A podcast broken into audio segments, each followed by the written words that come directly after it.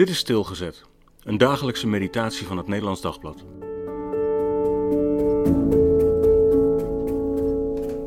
Toegang. Efeziërs 2, vers 17 en 18. Vrede kwam hij verkondigen aan u die ver weg was, en vrede aan hen die dichtbij waren. Dankzij hem hebben we allen door één geest toegang tot de Vader. Paulus kan het niet vaak genoeg herhalen. Er is maar één weg naar God. Toen Christus stierf kwam er niet een tweede weg bij, een soort alternatieve route voor de heidenen. Nee, nog altijd moet iedereen eerbiedig door dezelfde poort naar de binnenste voorhof. Maar het bord verboden voor onbesnedenen is weggehaald. De poort is verbreed en de volken stromen in drommen naar binnen.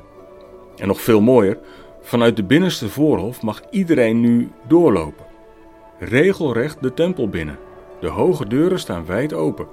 En kijk, dat zware gordijn naar het Allerheiligste hangt open, met rafels van boven naar beneden. Daarbinnen is de warme gloed van Gods goedheid. En de geest fluistert ons in: Noem hem maar vader. Dat mag.